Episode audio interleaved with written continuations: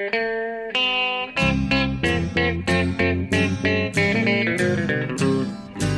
out there, we're on the air. It's hockey night tonight. Tension grows, the whistle blows, and the puck goes down the ice. The goalie jumps and the players bump, and the fans all go insane. Someone roars, Bobby scores at the good old hockey game. Oh, the good old hockey game is the best game you can name. Hallå, hallå, hallå, hallå! Hallå, hallå, hallå, hallå, hallå, hallå! Yes, hallå! Eh, och välkomna till NHL-podcasten med Jonathan Bambi Ekeliv som vi hörde där. I form i Örby-natten, eller Örby-kvällen. Ja. Eh, och mig då, Per Bjurman, eh, i hygglig form också i, New York eftermiddagen. Trevligt. Här ska vi spela in vårt 404 avsnitt, right? Mm. Det stämmer. I, i NHL-podcasten som nu har rullat eh, ja, i många, många år. Eh, det behöver vi inte komma in på. Men eh, hur står det till med dig då, Mr Ekeliv? Jo, men det står bra till. Eh, det skulle jag väl ändå säga. Fyra plus. Ja, fyra Eh, plus. Ja, men det är bra. Du har varit och spelat bra. bowling idag har jag hört. Ja, precis. Det gick väl sådär. För mitt minus i vardagen just nu det är att jag har dragit på mig en upper body. Jaha. Skadade har- du axeln när du spelar bowling? Nej, faktiskt inte. Utan här i, i helgen så lekte jag lite hobbyhantverkare och, och höll lite... Jag hade proffs med mig hemma också, men jag skulle försöka hålla i den där slagborren och så vidare. Och, och fixa gardinstänger här i lägenheten. Och det slutade med att eh, jag är... jag har nu bandage runt hela högra handen. Vet du. Är det sant? Nej, nej. Men Jonathan, du vet ju att du inte ska hålla på med sånt där. Det är farligt. Det blir som när du kör, kör eh, racerbil. Ja, jag är to totalt talanglös eh, när det kommer till praktiska... Ja, men, ja, det, men eh, din omgivning borde vara mer eh, eh, och se till att du inte hamnar i sådana De situationer. borde kompensera för min självbild och mitt självförtroende när det kommer till ja, sådana grejer. Så att jag ja, inte det är, far... det är farligt det här. Ja, det var ju ytterligare ett bevis på att jag, jag ska inte hålla i slagborr exempelvis. Det, det, det är alltså farligt för mig och min omgivning. Ja. Men du bowling, är du bra på? Har du liksom tekniken så att du, du eh, rullar iväg eh, klotet på rätt sätt? Ja, jag, det här var nog första gången på typ tio år som jag spelade. Så jag ska inte, och dessutom var det ju med den här höga handen som är bandagerad. Så jag, jag, Ja. jag gjorde ju en två plus-insats verkligen. Det var, det var inga strikes? En, vet du. Jaha, ja, men det är, då, det är vasst. Ja, ja, jag hann berätta lite för dig här innan att på banan bredvid. Alltså vilken 75-åring. Jag vill shoutout till Roy på banan intill oss som alltså... Eh, han hade 6-7 strikes i rad. Otroligt. Ja. Och vi, vi frågade ju om tips och grejer. Det var ju om hur man skruvar och så vidare. Det, var ju, det är ju en ren vetenskap det där. Och han hade ju full koll på läget efter 75 år i branschen ungefär. Ja. Ja, det är kul.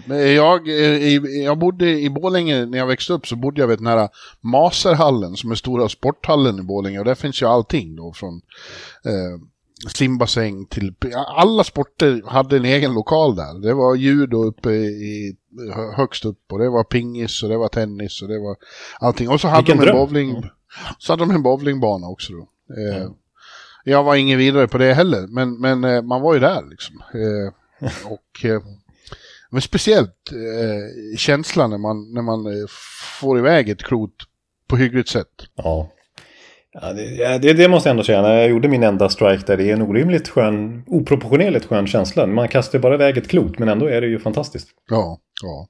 Ja, eh, hör Hur, du. hur är det själv då, vi- Bjurup upp? Måste jag fråga. Jo, det, det, det är fint. Det är fint. Jag ska återkomma lite om vad som har hänt sen sist. Men Mm. jag vill börja med att vrida tillbaks eh, klockan lite faktiskt. Eh, därför att Mm. eh, för, för innan jul här så hade vi ju vår lilla limstuga. Just det. Mm. Och i samband med den så fick jag ett mail av en, av en eh, stammis i, i, i, podd, eller i bloggen. Ja. Eh, som heter Idsint. Är hans signatur. Egentligen heter han Olof. Och han skickade en väldigt fin och ambitiös version av tomten, Viktor Rydbergs Tomten. Eh, Ja, Snön ligger tung på taken och det. Men jag, eh, det var ju som rörigt där. Jag var ute och, på resa i Kalifornien. Så jag hann liksom aldrig riktigt eh, eh, engagera mig i det här. Men nu har jag faktiskt gjort det då. För att jag har jag tappat bort Idsint. Han har försvunnit. Han är inte med i, i spåret längre. Och jag, tror att det beror på att jag inte gav honom någon uppmärksamhet för den här fantastiska dikten. Eh, och det var, jag, jag förstår honom, för att han la ner väldigt jobb på det här och så blir det ingenting. Och, och jag, jag beklagar det, för han är en mycket kär gäst i spåret där. Vi har världens bästa community i bloggen. Ja, ja. ja det är en klassiker läsa... man känner igen onekligen. Och vi har inte tid att läsa hela, det är elva, elva verser. Men eh, bara för att visa hur mycket tid han la ner på det så läser jag den första. Ja. Midtown-nattens köld är hård, skraporna höga och täta. Ekeliv sova i Örby gård, djupt medan Stamkos näta. Lagen vill vinna till varje pris, snön lyser vit på puck och is. Snön lyser vit på arenataken, endast Bjurman är vaken. Ja. ja, det var ju, det var ju, ja det där. Ja, och, och det fortsätter och han blandar in alla, eh, många, många stammisar i spåret och så här. Det är, det är riktigt, riktigt bra. Jag måste nästan höra det, jag blev lockad, jag vill höra en till åtminstone. Okej. Okay. Ja. Eh, helgen nalkas, dags på nytt för MSG-blogg i spåret. Biffen på plats, nys vid sig sytt och nyklippt han är i håret. Rangers-fansen jublar i lag, Mika och Bradman gör deras dag. Julia smakar på vinet, grävlingen diskar porslinet. det, det, är ju, det är ju en fem plus-dikt han har eh, ja, verkligen. fixat. Bo, bofinken flaxar från kust till kust, han bloggar från alla dess hallar. Man får dock inte nämna julmust i spåret när törsten kallar. Pressläktaren har inget så gott, mustiga drycker, där är det torrt. RC Cola kan dock göra susen så länge han inte glömt snusen. Oj, oj, oj. Det är ju otroliga referenser alltså. Det är ju mitt i prick hela vägen.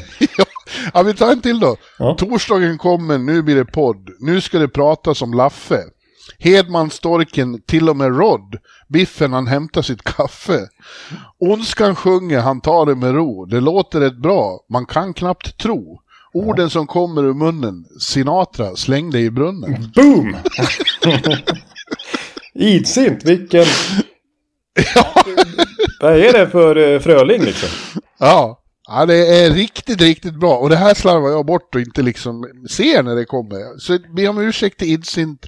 Du, du får fem plus för det här och, och eh, vi, eh, vi tackar verkligen för det här, eller hur? Ja, det där var ju eh, otroligt bra alltså. Det slår ju alla våra rim genom tiderna.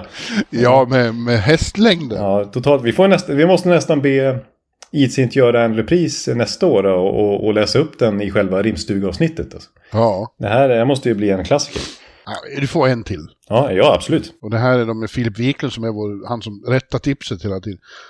Oändliga tips i Arla stund. Högljusen vevas till fikat. Eh, mycket att rätta för herr Wiklund när han gårdagens rader kikat. Guld och klubbor alla får pris. Kaffet kokar på deras spis. Bjuder man på puben säg tager, en iskall och svalkande lager. Oj, oj, oj. Ja, den, ja, den sitter ju den också. Ja, ja det är briljant. Tack Idsint. Ja, verkligen bra. Ja, men hör du, nu ska vi väl eh, gå in på lite vad som har hänt sen sist då. Och det har ju varit en hel del det. Ja, det är som vanligt så händer det grejer borta, borta i Nordamerika där du sitter och det är knappt som man vet vilken tråd man ska börja att nysta i. Nej, eller hur? Det, det, jag konstaterade så sent som i, i natt att, att det, det är inte ofta det passerar en NHL-omgång utan att det finns mycket att skriva. På ena eller andra sättet är det något som väcker uppseende. Ja. Men om vi börjar med, ja, eh, förra, eh, förra veckan då, någon, bara någon dag efter vi eh, hade spelat in avsnittet då så var ju en av årets happenings på garden mellan Rangers och Dallas. Som ju var mm. Eh, nej, som var en otroligt seg och tråkig match i 59 minuter och 59 sekunder. ja. ja. Eh, men, men, men, då, eh, det stod 1-0 till Dallas, det var bara ett, no, ett mål i hela matchen och det var verkligen en sån match. Men ja. med 0,4 sekunder kvar då så kvitterar Kandre Miller. Och ja. eh, sen så avgör Rangers på övertid. Och det, det jävla trycket som var på garden då, det, det var ju det var helt... Sanslöst. Ja, du som var på plats men ända in liksom hit i Örby kändes det som att taket höll på att lyfta. Att det var rena rama Stanley Cup-scenen 94 nästan. Alltså i decibelnivå i alla fall. Ja, och det är så kul att se. Man ser, jag sitter högt upp och, och de där branta läktarsektionerna.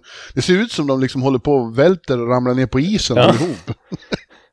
ja. Det blir en sån här kollektiv rörelse. Det var, det var otroligt häftigt att få vara med om faktiskt. Det var, eh, det var bass i flera dagar kring det där. Och det, det har bara hänt då tydligen. Det var fjärde gången i, i Rangers 96-åriga historia det har hänt att någon har gjort mål, kvittera i, i sista sekunden. Ja, bokstavligen sista sekunden liksom som du säger. Det är Ja. hundra tiondelar kvar liksom. Nej, nej. Och det är först missar ju Kendra Miller skottet. Man tror att där då är det ju kört för nu tiden rinner ju ut. Men så hinner han skjuta en gång till. Och där hinner slinka in förbi Jake Ottinger som har varit en vägg. Liksom, Ja. Ja. Ja, ja det, var, det var extremt häftigt. Och, och roligast för mig var ju då att jag hade besök förra veckan. Eh. Av eh, min exfru Sofia och hennes två små söner, eh, Harry och Ralf. Och de var ju på den här matchen, jag hade sett till att de fick biljetter. Ja. Och de fick vara med om det, det var ju superkul. Eh, Ja, det, de bruk, det helt- brukar vara ma- bra eh, matcher när folk eh, besöker det. Jag kommer ihåg när Ja. senast vi var i, i garden med, med liksom våran gruppresa då, och eh, Zibanejad gjorde ju fem mål. Det var i den matchen han gjorde fem mål. Liksom. Ja, ja precis. Ja, men de här var helt hänförda, de små knattarna. Djurgårdare eh, hemma i Stockholm. Eh, 12 och 10 år, eller 13 och 10 år. Ja, just det. Ja, då gillar man ju Zibanejad förstås. Ja, verkligen. Ja, och tillsammans med dem hade jag ju sen då, eh, här på lördagen hade vi en lång sittning i, i korresoffan ihop. Ja. Och var engagerade i, vi såg ju framförallt blockbuster-matchen mellan Boston och eh, Toronto då. Ja. Det, det var ju också, det var, det var en av de bästa grundseriematcher jag sett på länge. Den här säsongens höjdpunkt kan det vara. Jäklar vilken bra hockey som spelades. Ja, precis. De, båda de två lagen befäster ju verkligen sin Ja. position som contenders utifrån hur den matchen utspelar sig. Men det roligaste som hände då var att när, när Pasternak gjorde mål, då utbröt det plötsligt sång i, i soffan här. Ja. Och den var från Klas Klättermus och går... Vänta nu ska vi se. Den som äter... Nej, jo. Är det du Den som som ska sjunga past... Ja, den som äter pasternackor, han går inte av för hackor. Vänta, en, en gång till. En gång till. Det här med att när Bjurman sjunger, det måste Det- man... En gång till. Den som äter pasternackor, han går inte av för hackor. Du, du, du, du, du, du, du, du, du, du, du, du. Ja. Det där är, från, det är från grönsaksätarsången från eh, Klas Klättermus. ja, just det. Och det var vad de eh, då eh, associerade David, David Pasternak med. Det, var, det är succé, jag har haft den där på hjärnan ända sedan dess. Ja, ja, ja Och- precis. Jag, Och går och sjunger den hela tiden. jag hörde redan innan vi tryckte på inspelningsknappen här så började du sjunga den. Jag var, tänkte, vad håller du på med nu? Klas Klättermus letar sig in i NHL-podden. Ja, det, den, som, den som äter pasternackor, han går inte av för hackor. Det är briljant. Ja, det, det är Ja, kanske vi det måste, som är höra, vi, måste, vi måste höra den eh, dängan. Ja, vi sätter igång den här då. Vi sjunger grönsaksätarsången. Den som jämt har kött till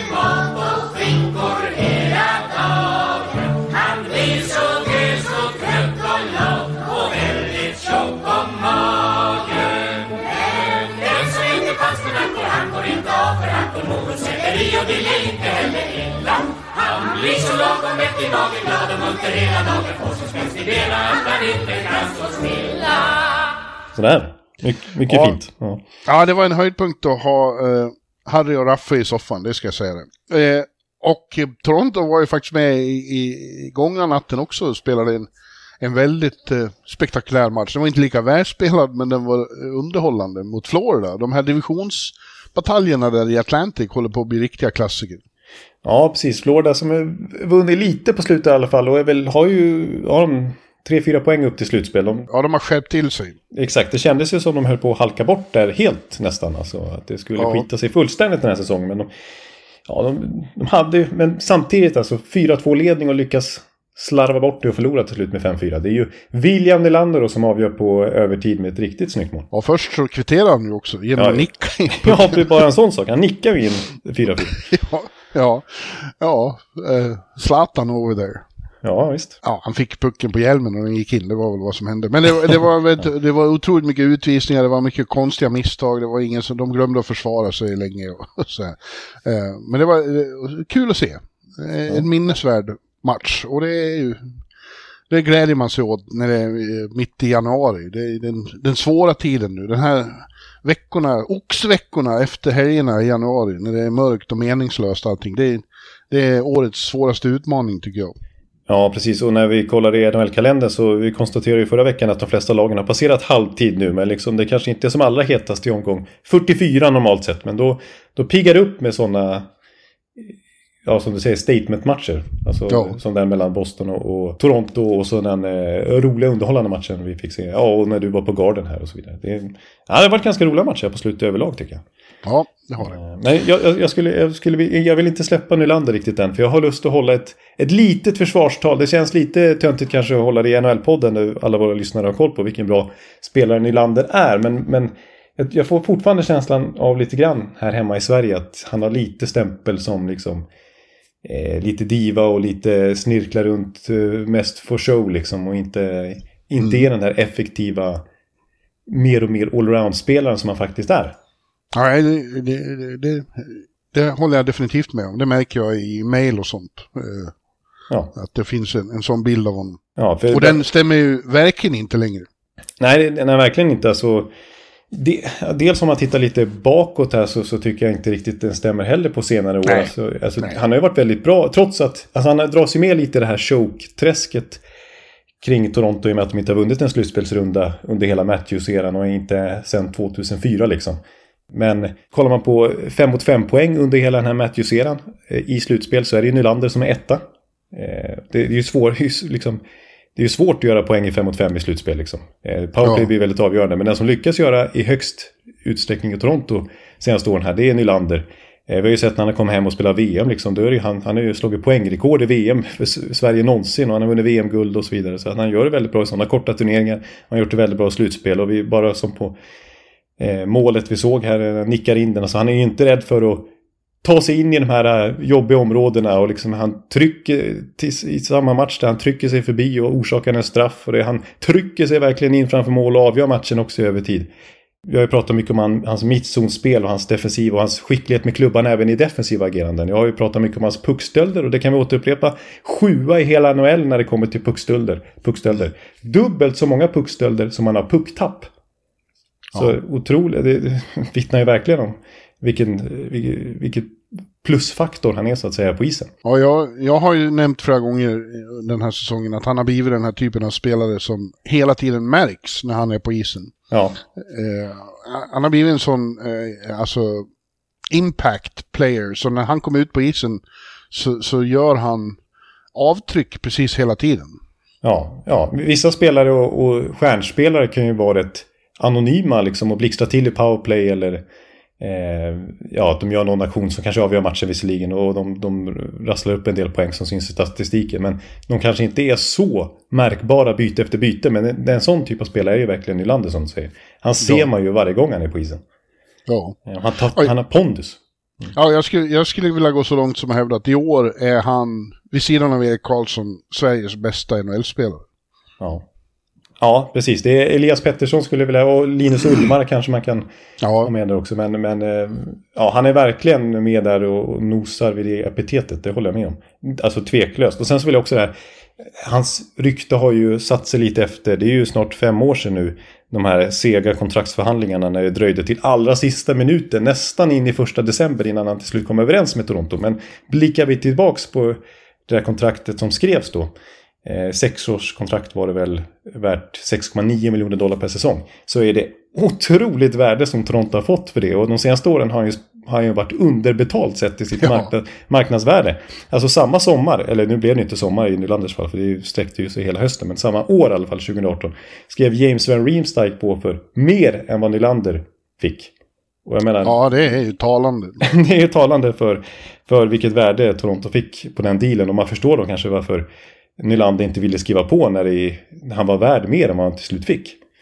Eh, så att nej, Nylander är verkligen en klassspelare och inte eh, bara för sina puck, liksom med puck och skickligheten så, utan på många sätt egentligen i alla tre zoner. Framförallt kanske i mittzonen. Ja, och en stadig utveckling hela tiden. Han blir bättre och bättre för varje år. Och, och det är ju ambitionen också. Han är bara 26. Det finns mycket, mycket, många spännande säsonger som kommer i Nylander-karriären. Ja, absolut. Men du, eh, när vi säger att det, det händer ständigt saker. Det händer ju också saker eh, påfallande ofta i NHL som inte har så mycket med hockey att göra men som, är, blir, som väcker uppseende och upprördhet och känslosvall och, och är underligt. Och igår hade vi en situation igen då när Philadelphia Flyers hade eh, Pride Night hemma Ja. i Wells Fargo innan sin match mot Anaheim Ducks. Och då visade det sig att eh, eh, backen, ryssen Ivan Provorov, han vägrade vara med på uppvärmningen för då, då uppträdde hemmalaget i Pride-tröjor då med regnbågsfärgade nummer på ryggarna. och då ville inte han vara med, men han fick vara med sen på själva matchen. Och efteråt så eh, förklarade han att han bara var true to himself och, och sin religion och därför vill han inte ställa upp på det här. Nej. Det blev ju såklart väldigt mycket liv om det här. Eh, Det var en eh, egendomlig situation och jag skrev om det här och kan ju då också säga att det är jävligt deprimerande att titta i sin mailkorg eh, när man har skrivit om det. Jag, jag rapporterar ju bara om det här. Jag uttryckte inga åsikter i den artikeln. Nej. Men de dyker upp i alla fall. Pelle och Roffe och kompani och, och skriver fruktansvärda saker. Man, blir, man tappar tron på mänskligheten. Ja, ja. Det är en eh, situation eh, som går att diskutera på många, ur många perspektiv det här. Och det är såklart, han kan inte tvingas eh, att bära en tröja han inte vill bära. Eh, men eh, oavsett då att kanske du och jag tycker att det är ett väldigt underligt ställningstagande. Att vi förstår inte för att vi tycker det är självklart att, att, att, stödja minoriteter som, som förtryckta. Eh, men det är ju underligt för Philadelphia Flyers. Liksom. Eh, de, de tar ställning här och arrangerar ett, ett fint arrangemang. Och så skär ju han The Thunder genom att inte ställa upp. Liksom. Nej. Vad, vad tycker du om beslutet att han spelar matchen då? För det var många kritiker då som tyckte att, eh, att, han, att Tortorella borde ha...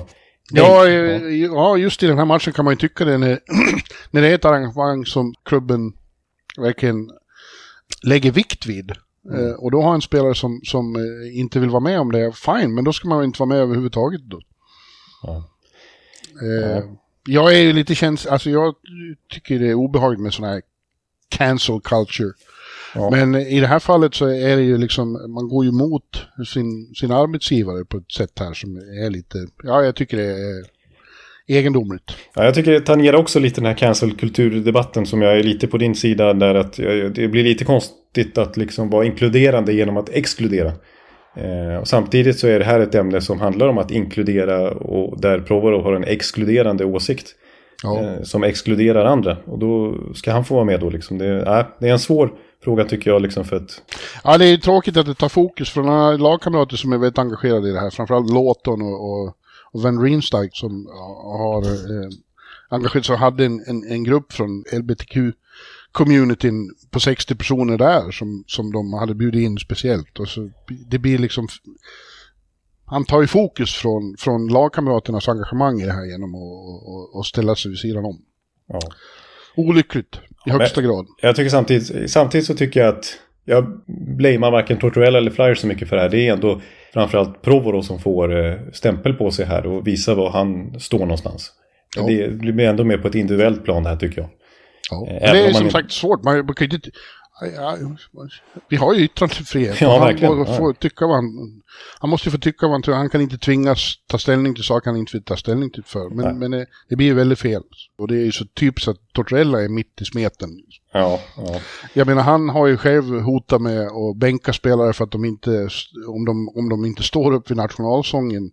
Eh, och man kan ju fråga var, var går gränsen då? Ska, ska, vi, ska de acceptera också om, om det är någon som inte vill vara med och hylla Martin Luther King-dagen för att de inte tror på, på eh, lika rättigheter för olika etniska grupper eller, vad- eller vad? ja. Och tänk vilket liv det skulle bli hos de som tycker att Provorov har gjort rätt nu om, om han inte skulle varit med på Military Appreciation Day. Nej, då är det annat ljud i skällan kan jag tänka. Ja. Ja, ja. Så Som sagt, det händer alltid saker i NHL som... som eh, eh, Vi inte förväntar oss att vi ska prata om kanske. nej, precis. precis. Ja. Ja. Ja. Hörru du, mer, mer hockeyrelaterade små nyheter är att vi har sett några nya kontrakt. Matt Baldy i Minnesota fick ett fint kontrakt. Eh, Och, och, Ja. och stöd från, från eh, Billy G, när han, så att han är en stor del av vår framtid. Ja, alltså, eh, ja precis. Är, man kan tycka att det är saftigt att få eh, 7 gånger 7 miljoner dollar då eh, när man bara spelat 90 matcher i NHL. Men eh, han har, gjort, han har verkligen gjort ett stort intryck redan nu. Dels i fjol när han kom upp då mitt i säsongen och fick spela ihop med Fialla och gjorde det faktiskt Fialla bra, nu måste vi säga. han gjorde Ja. ju point per game där sista halvan. alltså han gjorde ju typ 45 poäng på 45 matcher ungefär. Han har gjort färre poäng den här säsongen men det har ändå varit imponerande att se hur han själv har egentligen, vilket Minnesota hoppades på, att kunna bära den där andra kedjan bakom den givna toppkedjan med Kaprizov och Zuccarello.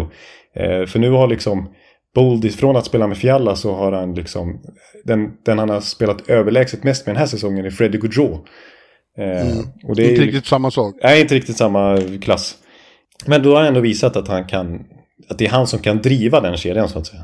Minnesota vill ju initialt här eh, trycka ner. Men de har, sitter ju verkligen i lönetaksklistret. Och det blir ju bara ännu värre nästa säsong när eh, Suter och Parisi-utköpen straffar sig ännu mer. De kommer ju kosta 14 miljoner dollar i dött löneutrymme nästa år. Ja, det, det, den är svettig alltså. Och, då, och så dessutom går Boulder då från Eh, ett rookie-kontrakt till 7 miljoner dollar liksom, i löntagsträff. Så det var inte mycket löneutrymme kvar alltså. Och det är ju spiken i sistan för Matt Dumba som har utgående kontrakt. Han kommer ju omöjligt kunna få ett nytt kontrakt nu. Det har han till och med själv uttalat sig om och sagt att det, efter ett decennium med Minnesota så inser han att hans dagar är räknade där. Vi får se om han får spela klart säsongen eller om han blir tradad vid deadline. Men jag tycker ändå att det är rätt av Minnesota att skriva det här långa kontraktet för att visst, de kanske hade velat, hellre kanske ville haft ett bridge-kontrakt så att löntagsträffen hade gått ner lite grann.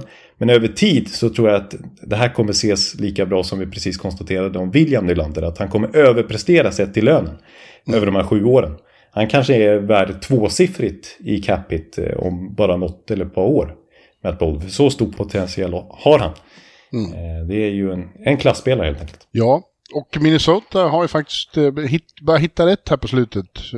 De slog Washington igår och har nu tre raka. Och jag pratade faktiskt med Jonas Brodin efter matchen igår. eh, För att han gjorde han, eh, han blev plötsligt eh, Kaprizov och Zuccarello igår. Han gjorde ett rasande snyggt mål. han var nästan Wayne Gretzky skulle jag vilja säga och åkte runt, runt.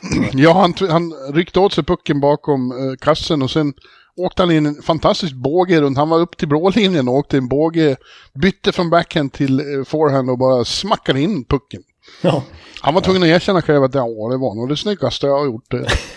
Det är ingen man av stora ord, det är det inte. Nej, han var framförallt glad att vi vann. Ja. Han är verkligen så här. Han är otroligt stabil och liksom säker och kontrollerad på isen. Men eh, utanför så känns han lite så här obrydd och liksom, ja. Ja, han är en mycket ödmjuk och, och, och ganska tystlåten men väldigt bra person. ja. Eh, och eh, ja, han sa ju det att eh, det, det, säsongen började ju ganska hemskt för dem. Alltså första 15 matcherna då var det riktigt tungt alltså. Vi, vi spelar inte alls som vi brukar. Men eh, sen har det blivit bättre och bättre och nu känner han att de börjar nå den nivå de ska vara på, framförallt defensivt. Och, och de får också väldigt bra målvaktsspel, dels av Fleur men också av Filip Gustafsson. Vi pratade lite om honom, jag sa det, han är lite underskattad. Ja, jag visste ingenting om han när han kom hit, men nu, nu var han väldigt imponerad av, av Gustafsson. ja han har ju varit kanonbra Filip Gustafsson. Ja. Ja. Han har ju varit bättre än Fleury. ja, så där har vi också en, ja, det här när vi ska ta ut målvakter, det det är Ullmark, Gustafsson, Markström nu i den ordningen tror jag vi får ranka dem. Ja, alltså sett till prestationen den här säsongen. Så är det ju faktiskt. Ja. Ja. Kul! Jag har en liten story på Brodin som jag bara fick upp i huvudet nu. Eh, när jag pratade med hans gamla Färjestad-tränare Leif Karlsson om Brodin då. Ja. Eh, och han sa liksom att åh vad skicklig han var och liksom att han, han fick ju debutera jätteung. Han var väl 16 år kanske när han spelade sin första SHL-match. Eh, och var så imponerad. Men, men utanför isen som sagt att han kom ju upp samtidigt som Klevbom och de satt ihop lite som kompisar. Och det var Klevbom som fick hålla reda på Brodin utanför isen liksom och passa tider och liksom allt det där. Eh, och någon gång så hade de kört ett quiz och så var det en enkel fråga då liksom, vad heter älven här utanför Löfbergslida Arena liksom? Den, den ska ni ju kunna. Eh, och Brodin sa, är det Norälven? För det var den enda älv han kände till då, utan där han bodde, det var uppväxt. Men, eh, nej, Tänk att vara från Värmland och inte känna till Klarälven. nej, precis. Att, eh, men, eh, men på isen som sagt så finns det... Det där tror jag du har berättat förut faktiskt. Ja, det kanske, ja okej. Jag fick Ja, upp det låter i- bekant, eller också har du börjat berätta den för mig. Jag, jag trodde du skulle ta när vi satt bredvid Poppe och han såg Brodin, men den vi den, den, inte. den kan vi inte ta. Nej, nej. nej. Eh, nej, nu höll vi på att halka snett igen. Ja, ja. Även eh, Pavel Saka i Boston har väl fått ett nytt kontrakt va? Precis. Man trodde väl snarare att det skulle vara en annan check i det där laget som, som det skulle komma en, ett, en stor nyhet kring kontrakt med. Men det får vi vänta på innan om David Pasternak. Det- Ja. Den som heter Pasternak, han går inte av för hack. Nej, precis, precis, precis. Och han ska ha en rejäl hacka han. Så är det ju. Så är det ju. Bra där! Ja, jag kan lite grann i alla fall. Ja, vi får se vad det landar på. Men, men Ja, han ska verkligen ha en rejäl hacka, så jävla bra som han är nu. Ja, jag- jag skulle tro, eh, om vi bara snabbt säger något om Pasternak, att om han skulle nå öppna marknaden och inte förlänga med Boston, jag menar då pratar vi åtminstone skulle jag vilja säga 12 miljoner dollar per säsong. Ja, visst, visst. Eh, visst. Vi får se hur mycket Boston med sin eh, klassiska hometown, hometown discount kan få ner det. Om de kan, det är garanterat tvåsiffrigt, men om det blir så mycket som 12, vi får se. Ja, men hur mycket fick Pavel då? Brattens bästa kompis tidigare i New Jersey faktiskt. Ja, precis. Det känns det som att där, även om Erik Haula har gjort det okej i New Jersey får man säga, så, eh, så känns det som att de slarvar bort Sacha lite grann där faktiskt. eh, Ja, i den traden. Och han har ju verkligen funnit sig till rätta i Boston med sina tjeckiska kollegor där, Pasternak, och han har spelat mycket med David Krejci. Och fått ett lyft. Eh, och nu får han alltså en förlängning då på fyra år eh, med lön på 4,75 miljoner dollar per säsong. Ganska saftigt tycker jag. Men eh, men han har kommit in bra i Boston, som, alla andra har kommit in den här säsongen. Bra Ja. i Boston. Fan, när jag satt och såg den där kanonmatchen mot Toronto så tänkte jag igen på vad, vad, vad ska de behöva förstärka för? Det finns nästan ingen position alls de behöver förstärka på. nej, nej, faktiskt inte. Det känns mer som vanskligt att hålla på och mässa med perfekt kemi. Nej, precis precis. Jag håller med om det. Det är, det är riskabelt. Men jag tror det känns som att Don Sweeney inte kommer hålla sig ifrån avtryckaren. Nej, säkert inte. Och, och, och framförallt inte om, om lagen runt omkring dem börjar eh, rusta. Och det finns det ju stor anledning att misstänka att både Tampa och, och Toronto kommer att göra. Och då blir det nervöst liksom. Men jag, ja, jag, jag skulle avråda från det när man, när man sitter på en sån. Ge istället de som är där nu fullt förtroende. Jag tror att det skulle få dem att växa ännu mer. Ja. Det jag vill ge Sweeney lite grann dock är att alla, alla möjliga trades han har gjort genom åren så har det ofta funnits en långsiktig plan i alla fall med dem också. Det har inte bara varit sådär... Eh, Men stum- nu, det här året måste det finnas ett viss kort, kortsiktighet i perspektivet i Boston också. De har ju kanonchans att vinna i år. Precis, och vem vet, nästa år då kanske det inte är någon Krejci, kanske framförallt inte är någon Bergeron. Det är lite all in-läge. Ja, Eh, Men eh, så, av, det, av den anledningen kan man tycka, om man ska trada till er någon extra pusselbit då. Men samtidigt som du säger, varför rucka på det här som den här segermaskinen som plöjer allt och alla. ja. Eh, Men, men Sacha då, som, som vi nämnde, det, det som är speciellt med honom är ju, och som Boston verkligen trycker på här, det är ju hans mångsidighet. Att de kan ju använda honom överallt. Precis. De, de kan ha honom där med tjeckerna i andra kedjan, de kan ha honom som center. De kan ha, han har ju spelat både vänster, forward, höger forward och center den här säsongen. I den där Toronto-matchen, ja då lyfter de ner honom i tredje kedjan med Charlie Coyle och använder honom mot Matthews i en shutdown-roll. Han är en liten eh, tjeckisk Kalle Järnkrok. Ja, lite så faktiskt. En, en städgumma. Eh, som kan rycka in och, och spela powerplay och sånt där också. Det är lite intressant att kolla på 5 mot 5 poäng i Boston. Eh, där han faktiskt ligger före Patrice Bergeron, Sacha. Det är bara Martian och Pasternak som har mer poäng i 5 mot 5. Så att, Järnkrok, Järnkrok vill jag skjuta in då. Han har ju permanent i en kedja med Tavares och, och Marner nu. Han är, gör ju succé i Toronto. och gör mycket poäng här känns det som 2023 här efter eh, årsskiftet. När han har Spelar, fått man den i, den, spelar Ja. man i den kedjan är det svårt att inte göra. Nej, det, det har du och för sig helt rätt i. Det har du och för sig helt rätt. Men jag tycker att Sacha på sätt och vis, med tanke på hans 5 mot 5 produktion och vad han bidrar med i det spelet, det påminner lite grann om, eh, vill jag nämna, när, när Colorado tog in Lekkonen istället för Claude Giroux som det var så mycket rykten om då. Det är klart att Giroux är en mer spännande spelare eh, och gör mer poäng och sådär. Men kollar man i 5 mot 5 så hade Lekkonen något starkare siffror och det var, de behövde ju inte en till PP-spelare i Colorado. För där var de redan i princip bäst i ligan. De behövde förbättra kanske sitt 5 mot 5-spel lite grann. Och där, där kände de att Lekkonen var en större förstärkning än Giroud. Och, och jag tycker att det är lite samma sak med Boston. De har tredje bäst PP i hela ligan den här säsongen. De behöver inte värva någon till spelare i den spelformen. Utan det är 5 mot 5. Och där är Sacha väldigt effektiv. Den som heter Pasternak och han går inte av för hacka. Nej, det är bara att understryka. Mm. Ja. Tänk om de skulle gå efter Erik Karlsson, Boston. Det kommer de inte att göra. Nej, det Men, tror jag eh, faktiskt inte. Men det, eh, det fortsätter eh, hagla rykten om huruvida Erik kan hamna någon annanstans eller inte. Och nu, nu har priset eh, läckt, eller hur? Ja, det var ju din kompis där, Frank Ceravelli, som var ute första gången vi hörde något konkret kring prisbilden. Den som San Jose har målat upp här. Eh, för, och den var ju väldigt dyr alltså. Jag trodde Ja. det var dyrare för en... Det är klart att nu är Erik Karlsson Norris favorit. Han eh, leder ju backarnas poängliga i storslagen stil och är ju den gamle 2017 Erik Karlsson igen. Men eh, ja, han, han har trots allt ligans dyraste backkontrakt. Rimligt just nu, men, eh, men tre år till på det. Han börjar bli lite äldre. Eh, Han har sin skadehistorik och så vidare som jag pratade om som gör gör honom, borde göra honom svårtradad. Men San Jose vill alltså ha tre första runda val för Erik Karlsson. Ja, det, det, är, det är saftigt alltså. Och, och då tänker man, jag kan tänka mig att det vore skäligt om de behåller en rejäl portion av lönen. Eh, tänk dig om de skulle behålla 50% av lönen om man skulle kunna få Erik Karlsson för 5,75 miljoner dollar. Men då, är, då skulle jag absolut kunna tänka mig att betala tre första runda val som en contender general manager. Men eh, nu sägs det att eh, de sträcker sig till 18%. Ja, det var inte så mycket. Nej, och då är det fortfarande eh, ungefär 9,5 miljoner dollar i cap hit för Erik Karlsson. Eh, I tre år till. Så att, och då, då ska det alltså kosta tre första runda val dessutom. Så att, nej, jag tror att Mike Greer får, får eh, tona ner det där lite grann om han ska lyckas trada Erik Karlsson. Ja. ja, det är och förblir mer sannolikt att John Klingberg hamnar någonstans.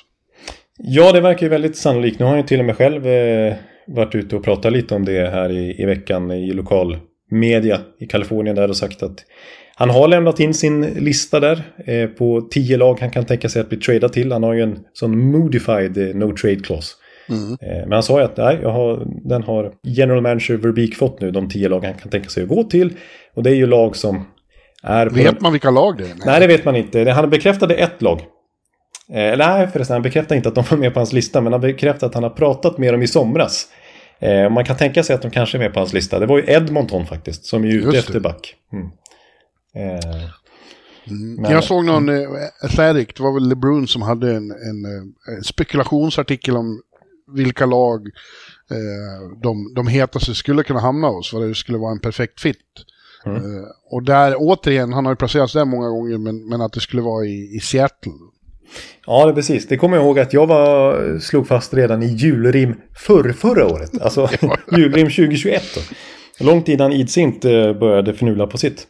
Eh, Ja, Men eh, ja, samtidigt så har ju, går ju, alltså, de offensiva backarna i Seattle tycker jag gör det bra nu. Vince Dunn är stekhet i att ratta PP där och Justin Schultz som de tog in istället för Klingberg i somras, också högerfattad offensiv back, har ju gjort det bra, 25 poäng ungefär. Så att jag vet inte om deras... Adam Larsson är het. Ja, Alltså Adam Larsson är ju hetaste bara. Han spelar ju mest i, överlägset mest i hela Seattle. Hade ju en match här när han var plus sju. Det var Ja. mot Chicago. Han var plus sex bara Ja. i första perioden tror jag. Ja, vi lägger inte så stor vikt vid, vid den statistiken längre, men plus sju, det är ju Niklas Lidströms siffror. Ja, det, det sticker ändå ut att man är inne på sju mål framåt. Ja, det ska bli intressant att se. Han, och han hade, vad hade han? Nyqvist. Eh, det börjar se ut som att Gustav kommer hamna någonstans. Och eh, han placerade förstås eh, Kane i Rangers då tillsammans med Bradman. Mm. Det bygger på att Chicago tar en hel del lön tror jag. Eh, det här sista, och det skulle ju vara en, en ren rental. Där. Men och jag- är övertygad om att Rangers som ju ser mer än till hockey, de ser ju till liksom stjärnglansen också. Som passar här på Manhattan. Eh, de är jävligt sugna på det tror jag att jag törs slå fast. Ja, det, det känns väldigt Manhattan-kompatibelt alltså. Ja, Det gör ju det. Gamla Rangers liksom. tänk vad svårt det är att se honom i någon annan tröja än Chicago. Det är helt omöjligt. Nej. Ja, det blir väldigt speciellt. Den dagen han förmodligen blir tradad här i närtid. Men- Ja, om han vill. Ja, det är ju upp till honom visserligen, men jag, får lite känslan ändå. Eh, Men jag vill, apropå Rangers, eh, vad, alltså en som eventuellt skulle kunna gå i motsatt riktning, alltså det kanske är för dyrt pris för Rangers att behöva släppa en sån, ett first overall pick för en rental, men det, det har blivit lite mer spekulationer om Lafreniere när han blev bänkad en match. Men nu har jag, i och med Kreiders skada, har jag fått vikariera i första kedjan då med Zibanejad här sista tiden. Ändå inte gjort en enda poäng på de här senaste ja, fyra, fyra, fem. Vad, vad är din uppfattning av, av Laf- Lafreniere som ser honom eh, mer konsekvent? Så att. Ja, det är ju inte... Det är ett känsligt och delikat ämne bland Rangers-fansen. För att han, eh, eh, det anses ju att han inte har fått tillräckligt, tillräckligt mycket chanser och att han eh, eh, får spela för mycket tid i kedjor utan, utan mycket speltid. Då. Men som du säger, nu har han ju fått chansen och det, det vill inte lossna riktigt alltså. Eh, men man har ju en känsla av att det finns väldigt potential där och det är ett, det är ett aber för Rangers att de så ofta, eller eller snarare så sällan, eh, får ut någonting av sina unga prospects och sen försvinner de någon annanstans och blir bra där istället. Pavel Bushnevich, eh, eh, Nils Lundqvist, det är bara de senaste exemplen. Ja, ja det har du rätt i. Det. Precis, för vi, vi konstaterade ju liksom bara här för några veckor sedan att det, det är alldeles för snabbt man sätter baststämpel på prospect. Vi ser ju på Jack Hughes nu till exempel, eller Rasmus Dahlin den här säsongen. Inte för att Ja. de har fått total baststämpel på oss, men det har ändå varit lite så här knorrats lite när de inte slagit igenom direkt. Ja, Och, och Lafreniere, eh, han är han är ju verkligen, han är fortfarande 22 ska han fylla i år. Så att han är, är fortfarande väldigt, väldigt ung. Capocaco har ju tagit mycket större steg i år än vad Laffe har. Eh, Ja. Capo börjar bli riktigt leva upp till sin potential tycker jag. Jävligt fin med pucken, liksom. han håller i den bra. Ja, ja. Och han har ju fått, det är ju den första kedjan nu, Laffe, Kakko och Ja. Zibanejad. Mm. Ja, men Capo gör, gör större intryck, det måste jag säga. Det är intressant, alltså det skulle bli jävla liv på, på, på Rangers Twitter om de tradade Lafreniere till Chicago för Patrick Kane. Jävlar, jag kan inte tänka mig. Nej. Oj, oj, oj. Ja. Ja. Samtidigt så Ja. är det så här, det, det, det, nu, ska, nu ska jag verkligen inte, jag, jag tror att Lafreniere kommer ha en extremt mycket bättre karriär än så. Men det kan vara så att, att eh, medan de fortfarande har högt trade-värde som Lafreniere har nu. Att ibland kan det ju vara bra att passa på också. Det kan ju bli så en Nail Jakubov-fiasko också. Så Ja. att, men jag tror inte de Lafreniere så det är, det är en stor risk att trada honom. Ja. Ja, ja. Jaha, du, eh, mer då? Ja, vi kan konstatera att eh, Nashville har faktiskt hakat på i racet i, i Western. På senaste dygnet här vann de med 2-1 två gånger om. Utan att imponera så jättemycket, men båda målvakterna var lysande igen. Så att eh, de har bara tre poäng upp till sista wildcard-platsen och färre matcher spelade än, än Calgary och Edmonton. Ja, det börjar kännas lite mer hoppfullt där. Alltså, vi pratade om dem en hel del kring årsskiftet. Då hade de visserligen vunnit några matcher också. Men då var det mest mot de lagen de ska vinna mot som de vann. Och så förlorar de hela tiden mot lag Ja. ovanför dem i tabellen. Ja, Eh, Men jag tycker det är lite jämnare nu. De börjar få igång toppspelarna lite bättre. Och framförallt, vilket ju har varit fallet ett bra tag, så är målvaktsspelet minst på den nivå man förväntar sig när man har Saros i kassen. Och så har ju Lankinen varit väldigt, en väldigt bra pickup som backup där. Ja. Det går tyngre för Washington. Eh, sen de fick tillbaks eh, de efterlängtade stjärnpjäserna Beckis och Tom Wilson så har det hackat betydligt mer än det gjorde innan. Intressant igen det där med kemin och, och de hade ju så liksom sånt jäkla flyt innan. Men, men, nu, eh, det, det, det vill inte lossna med, med de här två tillskotten. Nej, men det är ju en sån klassisk mental grej alltså. Man, Ja. man tror att de som har fått ta större ansvar eh, när stjärnorna har varit borta liksom eh, hamnar plötsligt ett, ett steg tillbaka sådär. Och, och man förväntar sig att stjärnorna ska komma in och lösa det. Men ja, då kan det bli... Och de, jag menar, det är klart att inte Beckis är i, i fullt slag än. Eller Wilson när de har inte spelat sedan förra säsongen. Liksom. Nej, nej det är klart. Men, Beckis har det i sig. Såg du passningen till just Tom Wilson? Ja, just det. Det var ju old school Beckis. Ja, verkligen. Classic. Men de är i lite prekärt läge. De är fortfarande kvar på första wildcard-platsen i öst, men de har 47 matcher spelade. Pittsburgh bakom dem har 43. Det haltar lite i tabellen här. Ja. Ja, det är absolut inget. Det är lite skenbart eh, deras eh, marginal neråt med tanke på antalet matcher de har spelat. Ja. Ja, men du, sen ska vi ta ett eh, större grepp här om Vancouver Canucks. Ständigt i fokus på grund av eh, trassel och, och, och på, på, på alla möjliga sätt och vis har det varit väldigt mycket strålkastare på Canucks senaste veckan. Eh, Ja, Det började med att, att Bruce Boudreau petade Oliver Ekman Larsson. Jag tänker. Han var healthy scratch i en match här för första gången sen, sen rookie-säsongen med Phoenix Coyotes för 12 år sedan. ja. Ah, sånt där hände. Det var inte därför jag i, i dagens krönika i, i, printupplagan hävdade att det nog är dags att sparka Boudreau. Eh, alltså, det bär mig emot att säga, jag gillar honom verkligen. Det är en, en förtjusande person. Eh, en av de bästa i, i Businessen. Ja, verkligen. Som person. Och man gillar ju hans syn på hockey och så också. Men det har ju blivit en väldig grej det här med att han, ja, när han kommer in och tar över så blir det en enorm injektion.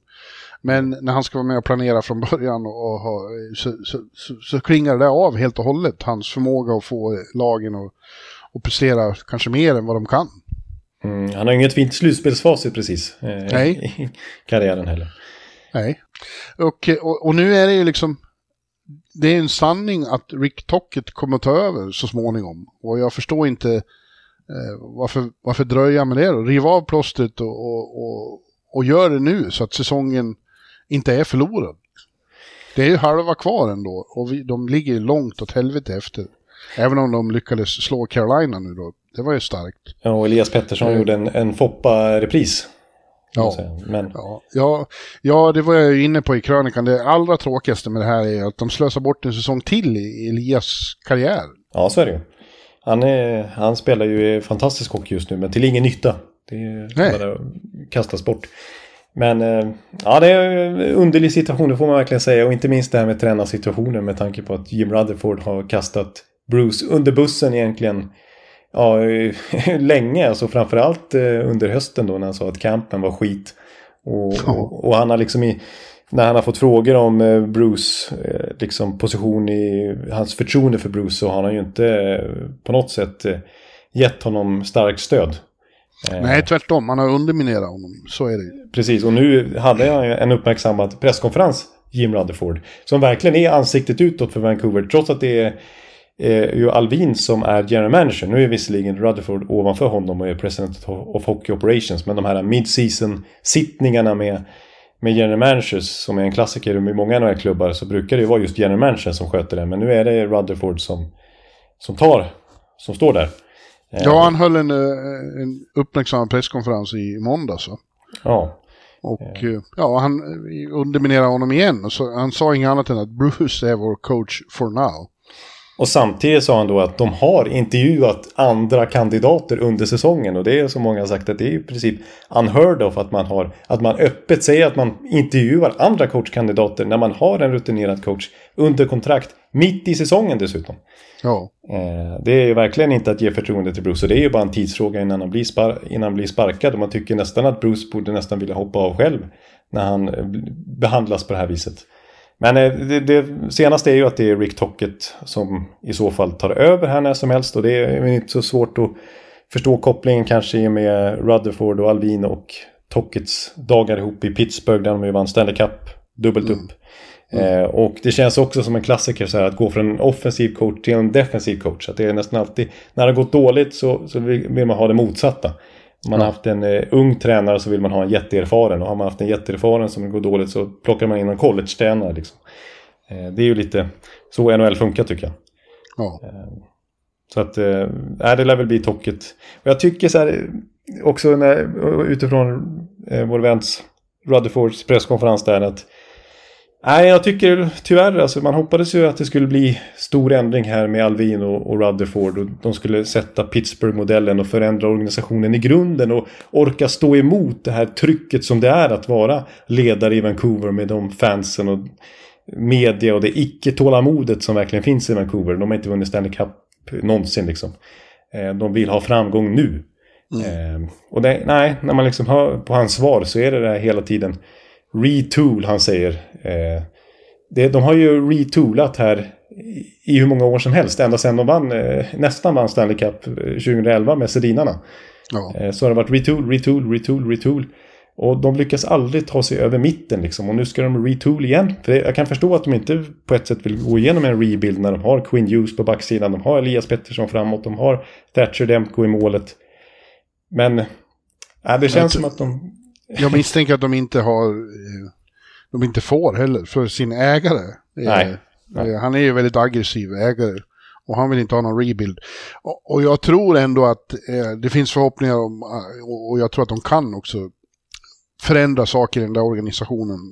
Alvin och Rutherford, de har ju erfarenhet av hur en organisation ska se ut, en fungerande, väl fungerande organisation. Och jag tror att de jobbar hårt på det och kommer, det, det blir bökigt, i, när, som du säger, när det är mer inför öppen ridå i, i den där, på den där krävande marknaden. Men, men jag tror att de jobbar stenhårt på det och, och liksom eh, skapa en, en, en, en starkare organisatorisk struktur.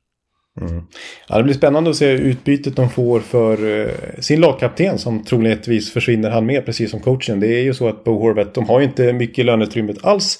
Och trots att de är långt ifrån slutspel nu så har de ju, eh, är de ju klistrade mot lönetaket. Och så även till viss del eh, nästa år också med tanke på alla stora kontrakt de sitter på. Och Bo Horvath, de är, har ju inte möjlighet i dagsläget att ge honom en, en, en ett marknadsmässigt bud för att han ska vilja förlänga det. Det var ju intressant, Rutherford var väldigt ärlig och frank där också om att ja, det budet vi har gett honom är ju ett underbud sett ja. till vad han har gjort i år.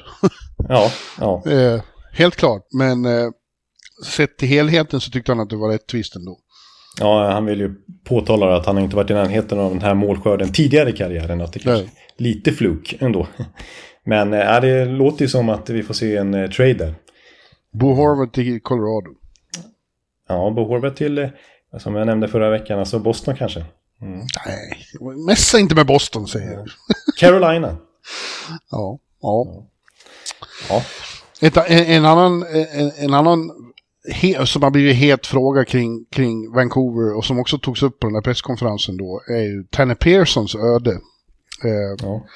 Och det började ju med att Quinn Hughes, Quinn Hughes då eh, kommenterade det faktum att han får operera sig igen av någon handskada som det har blivit jävligt mycket komplikationer kring. Och Quinn Hughes sa efter någon match här att that, that has not been handled right. Nej, precis. Och, och, det vart ju väldigt, när man säger så, det är starka ord liksom. Det är kritik mot organisationen och mot äh, läkarna som har, har eh, haft hand om den grejen. Och, och, och, nu ska det utredas också. Det är tydligen, det är risk för Tanner Pearsons karriär.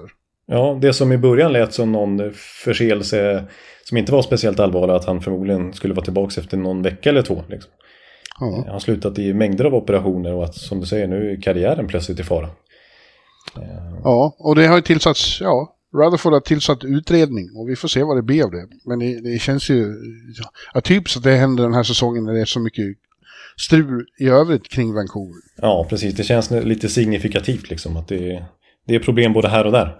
Ja. Och det är en väldigt, väldigt jobb här som väntar för Alvin och Rutherford för att få rätt sida på denna organisation som jag, jag tror, jag avundas inte deras eh, yrke där. Eh, de har säkert bra lön och så vidare men det är en tuff uppgift att... Eh, och visst, de har Elias Pettersson och Quinn Hughes och ett antal juveler där men det är en tuff, tuff marknad att vara boss i. Ja, ja det är det. Ja, vi får se. De, de återvänder hem ikväll. Det är en intressant match mot Tampa.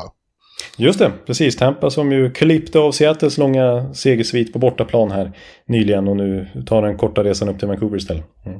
Ja, de ser bättre och bättre ut, Tampa. Ja, det känns som, underligt nog som att de smyger lite under radarn. Det är så mycket uppmärksamhet kring deras divisionsrivaler eh, Boston och Toronto. Att, eh, att man har glömt lite Tampa. Men det är ju många som, alltså, jag vet ju som har honom i fantasyn att Braden Point är väldigt bra. Och producerar ja. väldigt mycket. Och, och, och Hagel har jag också, han, även han producerar mycket. Han är väl nästan det stora utropstecknet den här säsongen för Tampa med tanke på eh, floppen han var efter deadline i fjol då. När de ja. offrade två första runda val gjorde de för Brennan Hagel. Det kändes ju oj vad, vad de betalade men han har ju en låg lön över några år till. Det är därför de var beredda att betala så mycket. Men så, äh, han blev ju lite hackkyckling under slutspelet. Gjorde ju ja. knappt poäng liksom. Men nu eh, är det en steket första kedja där med Kutjov och, och eh, Point. Underliggande siffrormässigt ett, en av ligans absolut bästa kedjor. Eh, och levererar match efter match efter match. Alla tre. Mm. Apropå fantasy så var det ju otroligt försmädligt att du lyckades slå mig förra veckan i sista omgången genom att du tar in Montreal Morrison. Sam Montembeau, eller vad säger man? Ja. Mm. Och han gör en kanonmatch på, på Garden mot Rangers och eh, då går du om, din jävel. Ja, det var ju totalt maxflyt för det. Och jag satt ju här med panik. Jag hade ju precis, eh, du vet, eh, förstört högerhanden här på gardinstängerna liksom. Och så plockade upp Sam Montembeau där i panik och så löste det sig. Ja. Ja, jag skulle säga att jag var faktiskt imponerad av Montreal i den matchen. Rangers gjorde ingen av sina bättre matcher, men, men framförallt så tyckte jag att, att Montreal var bra. Eh, De var hungriga och, och, och aggressiva och den här första kedjan med, med, med Cole Caulfield och Suzuki och Kirby Dash. Riktigt, riktigt bra. Ja, ja, de Och nu ju- såg de ju Winnipeg igår, de är inne i ett litet stim just nu. Ja, precis. Nej, men de har ju är just de där som du nämner, deras unga nya core som håller på att formas där. Och Slavkovski till viss Ja. del under säsongen här börjar... Det, det känns spännande på sikt åtminstone för Montreal och det börjar redan... Eh, de börjar redan se rätt vassa ut, deras unga stjärnor. Ja.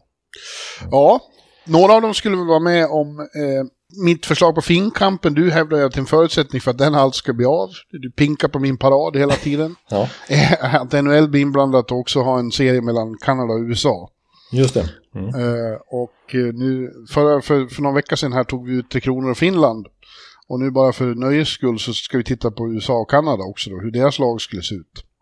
Precis, vi tänkte ta ut eh, trupperna där och, och det, det handlar ju mer om att välja bort än att välja spelare nästan. För det är sånt utbud så att det är helt eh, groteskt nästan. Ja. Men eh, Cole Caulfield som är amerikan skulle vara högst aktuell, skulle jag vilja hävda. Ja, han är, han är nära, men jag kan avslöja att han är inte med i min... eh, Jag tycker att USA, vilket lag, alltså jag, det här amerikanska laget som jag har tagit ut, det skulle nog kunna slå det kanadensiska faktiskt.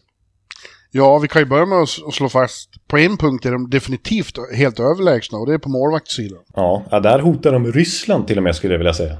Ja, Eh, medan nu Kanada, där är ju... Ja, då skulle jag nog säga att kanske till och med Sverige har en bättre, eller ja, Sverige har en bättre målvaktssida. En bättre första målvakt i alla fall. ja de har ju Darcy Kemper, det är vad de har. Ja, liksom... Ja, jag har faktiskt tagit ut Darcy Kemper som första keeper i Kanada kan jag säga. Och sen är det ju namn som Tristan Jerry, det är väl Mark-André Fleury här på ålderns höst. Det är väl en, Ja. eh, en eh, labil eh, Jordan Binnington. Eh, Ja, ja, ja.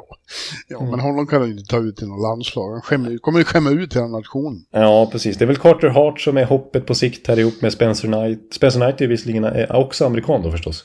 Ja. Eh, Men, men USA kan mobilisera Hellebucken och Jake Ottinger och Jeremy Swayman. Och Thatcher Demko om han hittar Ja. tillbaka till normal nivå också. Ja, bara en sån sak. Just det, honom glömde jag ju. Ja. Ja, den är, det är eh, utmärkta namn på målvaktssidan. Och det är inte så dumt på backsidan heller, hör du. Nej, Jag vet att det är du, jag, nu har inte jag hunnit ta ut så mycket, men jag har tagit ut tre tre backpar. backpar. Ja. Och börjar med Rangers-paret Adam Fox, Condor Miller. Okej, du kör eh, de två ihop ja. Mm, mm. Ja, det gör jag. Condor Miller håller på att bli, i, i, i skuggan av Adam Fox, håller på att bli ruskigt bra här. Alltså, de- hade han inte de- haft Fox framför sig så kanske han hade varit ännu större redan nu. Alltså, Ja, de, de spelar ju varsitt backpar ofta, men till exempel då på övertid så kan det vara de två och en forward. Mm. Eh, eller när det liksom ska jagas som det gjorde sådär på när de, ja, Miller satte den där klassiska pucken. Då är de ju inne ihop liksom. Eh, Eh, Jag tycker det är häftigt att se hur eh, framåtlutad han är. Han är som ett kraftpaket verkligen när han stormar fram på isen. Jag tycker han, det är ja. en självklarhet när han spelar. Men och, och det är också rightare och leftare har vi tänkt på här, Jonte, din, din käpphäst. Och Japp. då blir också, det här kanske egentligen är första paret, Charlie McAvoy och Quinn Hughes. Ja, de har jag som första par kan jag avslöja. Ja, det förstår jag. Men sen är det John Carlson då, och frågan vem han ska spela med. Jag satte honom med Tory Crew. Jaha, ett offensivt får man verkligen säga backpar. Ja, det är en ja, ja. spelskicklig backsida du har med bara ett skickliga skridskoåkare och, Ja, och eh, puckskicklighet får man säga. ja få höra ditt. Eh, ja, men då har jag då eh, Quinn Hughes och Charlie McAvoy som säger det första backparen, leftaren, rightare och ruggigt vasst par får man säga. Eh, och sen har jag då Adam Fox som högerback i andra backpar och så har jag satt en uppgradering mot Ryan Lindgren som han spelar med i, i, i Rangers. Det är också amerikan visserligen. Eh, men han får inte plats i, i landslaget här utan jag sätter honom med Jacob Slavin. Ja, just det. Han är amerikan också, det hade Ja. jag missat. Ja, så Hughes McAvoy, Slavin Fox och sen så tar jag ett gammalt... Det här, här finns det väldigt många olika alternativ. John Carlson är ju ett, verkligen som du säger. Eh, men jag tar faktiskt ett gammalt Columbus-par ihop. Zach Wierenski och eh, Seth Jones. Ja, den är grym också. Det har du rätt i. Wrensky har jag glömt bort för att han är skadad. Jag bara tittar snabbt på st- statsen, de aktuella statsen. Ja. Seth Jones, eh, det är ju svårt i Chicago där och, och, han var ju lite kritiserad sista året i Columbus. Men vi har ju på näthinnan hans slutspelsinsatser där han varit rena monstret. Ja. Jag, jag tar med honom. Ja. Ja, men sen har vi kedjorna det finns väldigt många fina alternativ och, och, roliga kombinationer. Man vill ju till exempel, även om båda egentligen är, är vänsterforward så skulle man ju gärna vilja se bröderna Kachuk tillsammans på varsin sida om en bra center. Ja, ja. Första centern är ju given i Austin Matthews och frågan är vilka han ska ha omkring sig. Ja. Men det, blir, det är svårt att komma runt Jason Robertson nu. Ja, du har, du har tagit ut fyra kedjor eller? Ja, jag har, jag har eh, många alternativ kan man säga. ja, men jag kan läsa upp mina kedjor om du vill. Ja, gör det. Ska jag börja med det? Jag, har, jag var också och fingrade på att sätta ihop bröderna Kachuk, men jag har lite andra connections här utifrån hur jag har formerat. eh, ja. Den första kedjan har jag The Calgary Connection väljer jag att, väljer att eh, stämma. Inte Gaudreau. Det är Johnny Hockey, Austin Matthews och Matthew Kachuk. Där alltså Elias Lindholm eh, har förbytts mot Austin Matthews. Det var ju ligans överlägset bästa kedja 5 mot 5. Plus 60 var de ju förra säsongen och eh, Gaudreau slutar ju tvåa i hela NHLs poängliga. Ja, men han förtjänar inte att vara i första kedjan i år. Nej, men det är bara för att man tror att han har varit dålig i Columbus. Det har han ju inte varit. Han är ju point per game i Columbus. Trots att han har spelat med liksom eh, Boone Jenner. Liksom. Ja, ja. ja. Så att jag, jag tycker Gaudreau, Matthews, Kachuk, det är fjolårets Både, succékedja. både Jason Robertson och Kyle Connor är dock bättre. Ja, men eh, min andra kedja då. Det blir... Eh, där sätter jag Jack Hughes. Som center. Mm. Ja. Och här har vi The Dallas Connection då. För då sätter jag Jason Robertson och Joe Pavelski. Nej, På varsin sida.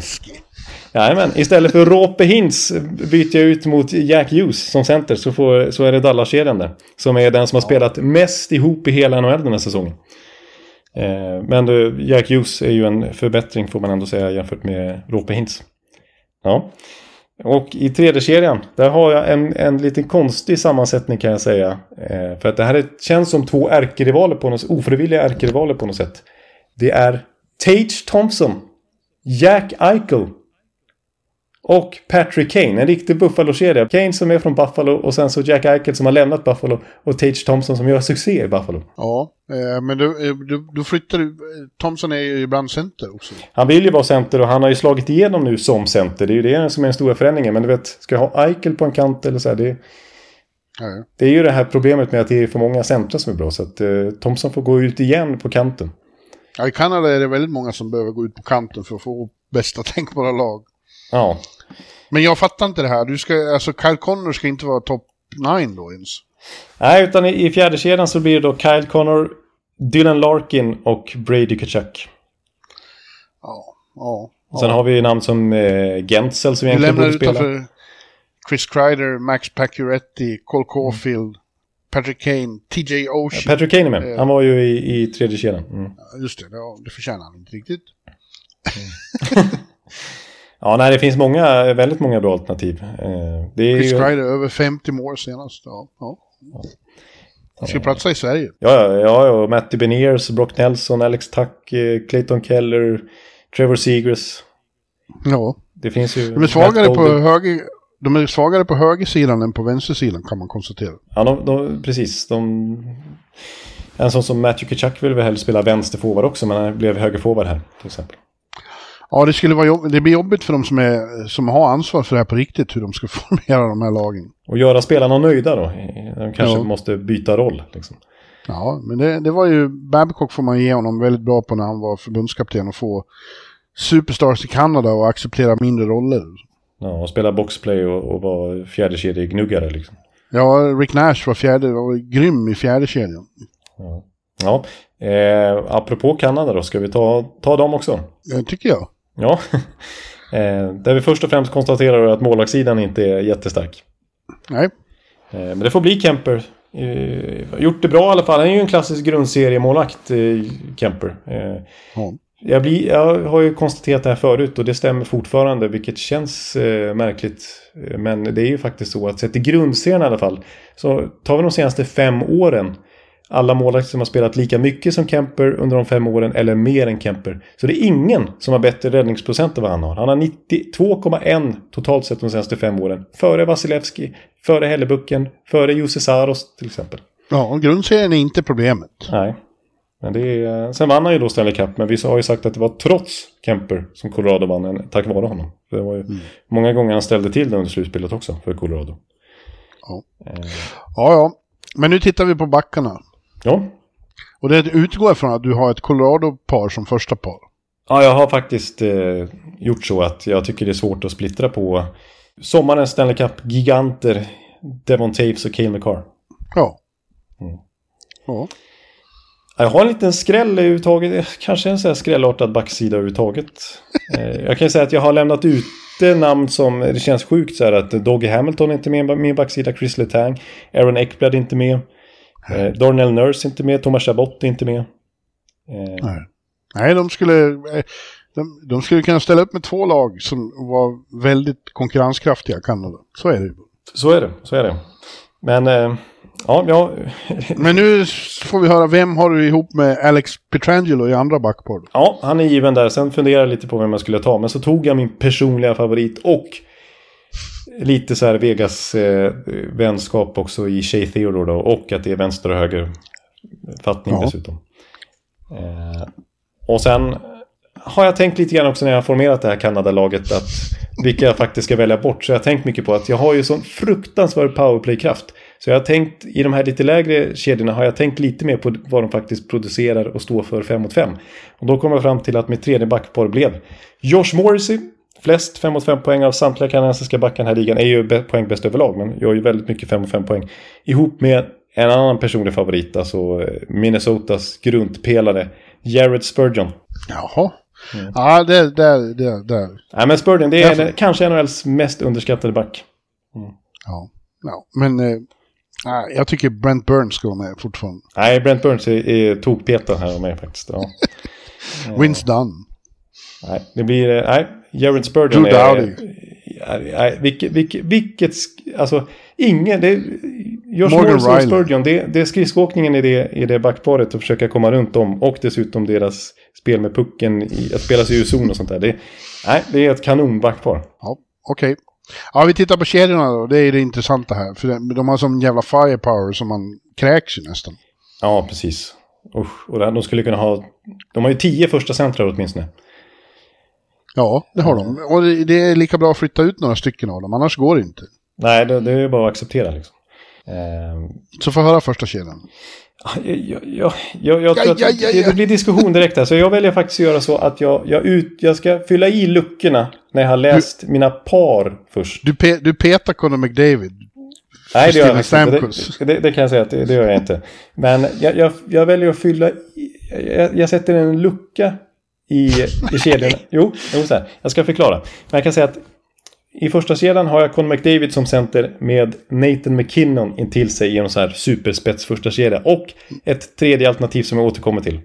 I andra kedjan har jag den eh, 2016 super första kedjan i Kanada med Marchand, Crosby och Bergeron. När Bergeron får kliva ut som högerforward. Sen i tredje kedjan har jag ja, en lucka och så har jag Tavares och Marner ihop. Ja. Precis som i Toronto just nu. Och i fjärde kedjan så har jag då en Stamkos Point Tampa Connection ihop med min eh, favorit då och ja, Mark Stone som du förstod att jag skulle ha med i det här laget. Eh, ja, men de här andra luckorna då? ja, så har jag två luckor då. Det är i första kedjan och i tredje kedjan. Och ah, det här tycker jag inte riktigt det är förtjänt riktigt att, att han ska spela i första kedjan. Men han har spelat med McDavid tidigare i Team North America till exempel. Och han är faktiskt Kanadas, om han är bäst, ibland Kanadas bästa målskyttar den här säsongen om vi bara ser till mål. Eh, så att jag sätter faktiskt Mark Scheifele ihop med McDavid. Fy fan. ja. Nej, usch.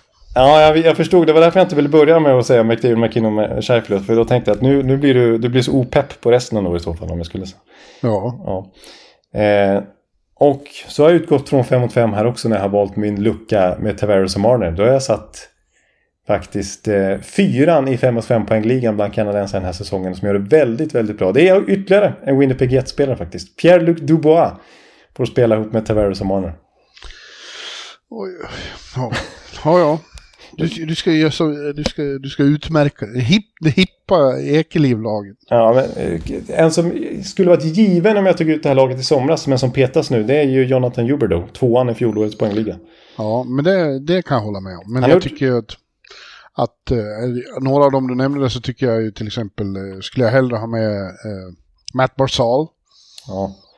eh, kanske Zach Hyman. Ja, Sekaimen funderade jag på med tanke på... Eh, där är också väldigt mycket 5 mot 5 poäng och det finns ju en naturlig kemi ihop med McDavid. Jo. Så jag funderade på faktiskt han istället för Scheifele. Eh, Barzal, det jag är lite rädd för där är att han är ju så otroligt puckkär. Och, och sätta honom till exempel med Tavares och Marner, med Marner som vill bära upp pucken också liksom. Jag, jag undrar om det blir för mycket eh, åka runt med pucken i så fall. Ja. ja, det finns ju som sagt många. De kan bygga ett till lag med runt Taylor Hall och sådana. Ja, och det är ju Jordan Cairo börjar väl nosa Ja. där. Bo Horvath med tanke på hans målskörd den här säsongen. Travis Connectney, hur mycket poäng han gör i Philadelphia. Ja. Eh, det är de här gamla klassikerna i Claude Giroux och det är ju Nick Suzuki som du nämnde i Montreal. Och, ja, Ja. Det, det, är ju, det är ju två lag här som är väldigt konkurrenskraftiga egentligen. Yes. Mm. Ja, rätt så bra. Rätt så bra, jag får godkänt nästan 11. Jag skulle hålla på USA. Ja, det skulle jag nog faktiskt göra också. Ja, Det skulle, de, de skulle vara underdog men med en högst realistisk chans. Inte minst tack vare kanske Hellebucken i kassen. precis. Ja, ja. Men du, eh, då eh, bör vi bli klara för den här veckan, eller hur? Ja då, nu har vi... eh, Ja då. Ja då. Nej men nu har vi väl fått med det vi hade tänkt vi skulle få med. Och, eh, Ja. Vi eh, antar att det har hänt väldigt mycket konstigt även kommande vecka som vi ska prata om när vi kör avsnitt 405. Absolut. Eh, har du, och nu utgår jag från att du ska äta lite eh, palsternacka. Så, jo, jo, går, precis. Jag kan nog... så att du inte går av för hacka så småningom. Nej, precis. Jag tror faktiskt att det ligger en palsnacka nere i, eh, längst ner i kylen. Så jag får nog gräva fram den Ja. ja. Ja, ja eh, jävligt eh, fin låt hör du. Eh, Ska vi gå ut med den kanske? ja, nu säger vi bara tack och adjö. Ja, vi, vi säger tack och adjö för den här veckan nu. Och vi, Ja. på återhörande inom kort. Hej hej! Aj, aj.